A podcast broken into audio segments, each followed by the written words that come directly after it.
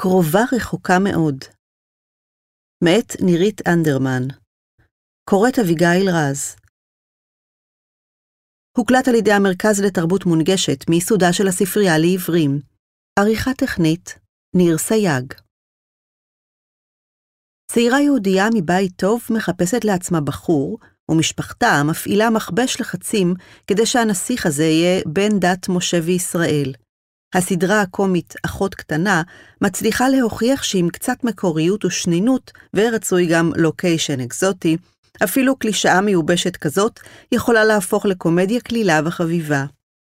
אחות קטנה שמגיעה מניו זילנד לא רק חושפת את העובדה שיהודי התפוצות עבדו ממש קשה כדי להתפזר היטב, ולראיה הם הגיעו עד אוקלנד, אלא גם מוכיחה שלפחות חלק מהם מצוידים בהומור עצמי שכנראה מסייע לשרוד את החיים בקהילה קטנה, תובענית ולוחצת, בקצה העולם.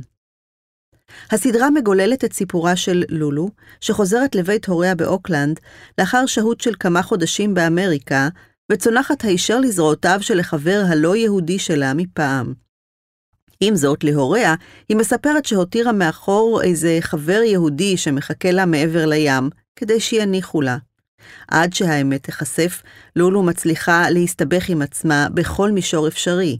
היא מנסה להבין מי היא ומה היא רוצה לעשות בחיים, ונאלצת להתמודד עם העובדה שגם בקרבה מסתתר אותו גן יהודי מסתורי שמעורר תשוקה לחתן נימול ולחופה כשרה. המזל כאמור שכל היידישקייט הזה מגיע כשהוא עטוף בהומור עצמי. כשלולו יושבת לשיחה עם אביה, למשל, היא קובלת לפניו על כך שלמצוא חתן בקהילה זעירה, המונה 5,000 בני אדם בלבד, זו משימה בלתי אפשרית. את מוצאת בחור יהודי, את דואגת שזה יעבוד, ככה זה תמיד, הוא אומר לה. היא בתגובה מבהירה שזה ממש לא מקרי שהיא נאלצה להתמודד עם גשר לשיניים, מדרסים לנעליים, ניתוח לייזר בעיניים ודלקת בדרכי השתן שלא מרפה כבר עשור שנים. בעיקרון, מה שקורה זה שאנחנו מתחתנים עם אותן חמש משפחות מאז המאה ה-18, וזה לא מתכון לרבייה מוצלחת, היא מתיחה באביה. יוצרת הסדרה, שגם מגלמת את דמותה של לולו, סימון נייתן, בעצמה יהודייה טובה מאוקלנד, מודה בשיחת וידאו שהתקיימה לאחרונה שלאורך העבודה על העונה הראשונה של אחות קטנה היא הייתה מבוהלת. כי צילמנו בלוקיישנים אמיתיים של הקהילה, ואנשים מהקהילה גילמו ניצבים בסדרה. רבים מהם הגיעו לעזור בהתנדבות, וזו הייתה הבעת אמון מצידם. ובתוכנית יש כמה אלמנטים שיכולים להיתפס כמעליבים או מרגיזים, היא מסבירה. בסצנת הפתיחה, לדוגמה, הגיבורה משתתפת בלוויה שמתקיימת בבית הקברות היהודי באוקלנד, וכשהיא מוקפת בקברים של חברי הקהילה לדורותיהם, מוחה קודח בעיקר במחשבות על סקס. מיד אחר כך היא מתגלגלת לבדיחות על נישואי קרובים ומטען גנטי מפוקפק בקהילה כה זעירה. מכיוון שיש בסדרה אלמנטים שיכולים להיתפס כמעליבים או מכעיסים, חששתי שחברי קהילה המבוגרים, בעיקר, שיראו את זה, יביטו בי ויחשבו לעצמם, You little shit, היא אומרת. אבל אז יצאה הסדרה, וכולם היו כל כך נחמדים. גם אם למישהו הייתה בעיה עם זה, הוא היה מספיק נחמד כדי לשמור את זה לעצמו, או ללכלך עליי מאחורי הגב, שזה לגמרי בסדר מבחינתי. אבל הרוב כל כך התרגשו לראות ייצוג של יהודי ניו זילנד על המסך, שהרגשתי גאווה והערכתי מאוד את התמיכה שקיבלתי מכולם. וכשצילמנו את העונה השנייה, אנשים שוב באו להתנדב ולעזור, אז הרגשתי שזה סימן שהם באמת מרוצים. יהודים, גויים וחלל לשבת מתערבבים באחות קטנה עם שואה ורבנים ותפילות, ובשלב מסוים מגיח לתוך הסיפור הזה אפילו גיור. אני חושב שתהיה יהודי נהדר, אתה כבר נוירוטי, אומר רב הקהילה לאולי, בן זוגה הגוי של הגיבורה. ובעונה השנייה של הסדרה, שעלתה לפני קצת יותר מחודש בהוט ויס, עניין הגיור הזה, שבתחילה נראה כרעיון הזוי ומופרך, לפחות בעיניים ישראליות וחילוניות, הופך לקו עלילה מרכזי. הולי מתחיל בתהליך גיור, לולו עוברת את זה איתו, ויחד הם מנסים להקים בית יהודי כשר. סיטואציות קומיות, התהליך הזה כמובן מספק בנדיבות. בריאיון נייתן מסבירה שהיא לא הייתה צריכה להתאמץ כדי להמציא רעיון כה הזוי ומופרך, כי כל הקרדיט במקרה הזה מגיע למציאות. השחקן שמגלם את החבר שלה בסדרה, פול וויליאמס, הוא בן זוגה גם בחיים האמיתיים, וגם במציאות הוא התגייר כדי שיוכל להתחתן איתה. זה משוגע, אני יודעת, וזה לא לכל אחד.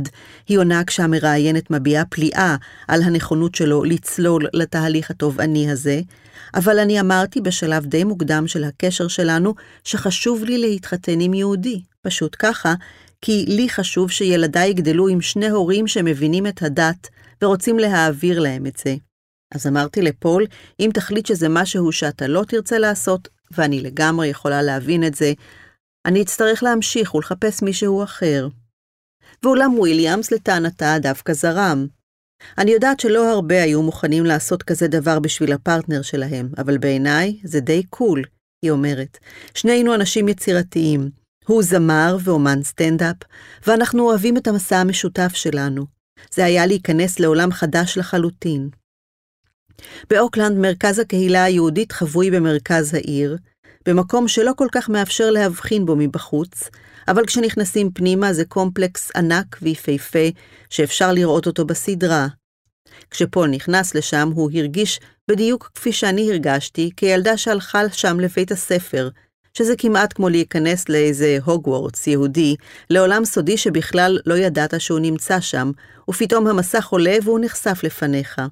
אז בשבילו זה היה קצת כמו להיכנס לעולם של הארי פוטר. אחות קטנה היא קומדיה לצריכה מהירה. שתי עונות, חמישה פרקים בלבד בכל עונה, 22 דקות כל פרק. השילוב של יהדות, הומור וגיבורה שמחפשת לעצמה חתן יהודי, מזכיר לרגעים את חנשי, המקומית של עליזה חנוביץ', אבל הסדרה הניו-זילנדית הרבה פחות בוטה, ביקורתית ועוקצנית. היא משעשעת, אבל יש בה משהו הרבה יותר נינוח, ניכר בשנעשתה מתוך אהבה לקהילה שהיא מציגה. במבט ישראלי, במיוחד בתקופה כזאת, קשה שלא לקנא במציאות השלווה הזאת שבה יהודים לא נדרשים להתמודד עם מלחמות, אנטישמיות, טרור וכל הכיף הזה. במבט ישראלי, הסדרה הזאת מתפקדת כמראה שרק מבליטה את הטירוף שאנחנו חיים בו. אך ישראל, לו היית ניו זילנד. העונה הראשונה של אחות קטנה התקבלה היטב בניו זילנד וגם בישראל, ובעקבות זאת הוזמנה ב-2022 עונה שנייה. העונה החדשה עלתה לשידור לפני כחודשיים בקנדה, בבריטניה ובישראל, אבל במפתיע, דווקא במדינה שבה נוצרה הסדרה, החליטו ברגע האחרון לדחות את השידור. כשנייתן נשאלת על כך, היא נוטשת לפתע את הדיבור הקליל והמשוחרר שמאפיין אותה לאורך רוב הריאיון, מרצינה ומתנסחת בזהירות. הרשת החליטה לדחות את השידור לשלב מאוחר יותר השנה, ואני לא יכולה להתייחס לסיבות לכך, היא אומרת. הייתי שותפה לדיונים על הדחייה, הרגשנו שינואר הוא לא הזמן המתאים לעלות עם זה. ברשת הניו-זילנדית שבה אמורה הייתה העונה החדשה לעלות לשידור, לעומת זאת, מרשים לעצמם להיות פחות זהירים ולהניח את הקלפים על השולחן. ערוץ TVNZ וההפקה של אחות קטנה החליטו יחד שלנוכח הסכסוך הנוכחי בעזה, נכון יהיה לדחות את השקת העונה השנייה, נכתב בתגובת הערוץ לפניית הארץ. אנחנו מצפים להגיש אותה לקהל בסוף 2024. ואולי ההחלטה הזאת פחות מפתיעה כשמבינים את התמונה הרחבה. בימים האלה גופי שידור וסטרימינג בעולם מעדיפים לשמור מרחק בטוח מכל מה שמדיף ניחוח ישראלי. בתקופה שבה הביקורת הבינלאומית על ישראל מתעצמת ככל שהמלחמה בעזה נמשכת, ובמקביל האנטישמיות ברחבי העולם גואה, סדרות שנוצרות בארץ או קשורות אליה בצורה כזו או אחרת, נחשבות מוקצות ונותרות על המדף בהמתנה לימים רגועים יותר. לא באופן גורף, ובכל זאת. נטפליקס, לדוגמה, דחו את עליית הסדרה באש ובמים של חנן סביון וגיא אמיר, שתוכננה לעלות בנובמבר, וכן את עליית משמר הגבול של מני יאיש, ובאפל הורו מיד אחרי 7 באוקטובר לחברת ההפקה של טהרן לעצור את כתיבת העונה הרביעית של הסדרה, ורק כעבור כמה שבועות הורו להמשיך, כפי שפרסמה יסמין גואטה בדה-מרקר. אחות קטנה אמנם אינה עוסקת באופן ישיר בסכסוך המזרח-תיכוני, ואפילו אינה סדרה ישראלית, אבל היהדות תופסת בה מקום מרכזי, ובגלל הקשר שקיים בין הקהילה היהודית לישראל, גם האחרונה מגיחה לעתים. דגל ישראל מבליח מדי פעם, שירים ישראליים נכללים בפסקול, מילים ומשפטים בעברית מפגינים נוכחות מרשימה. גם באידיליה הניו זילנדית, מתברר, החלו להתבקע סדקים אל מול הקהילה היהודית. בקהילה שבה גדלתי היה חיבור עז לישראל. חגגנו את יום העצמאות, ויום הזיכרון, ויום ירושלים, כך שאני גדלתי עם תחושה ברורה שישראל היא המולדת שלי, ותמיד רציתי לבלות שם תקופה אחרי התיכון, אומרת נייתן. אבל ניו זילנד באופן כללי היא מאוד אנטי-ישראל, במיוחד עכשיו. מאוד שמאלנים פה.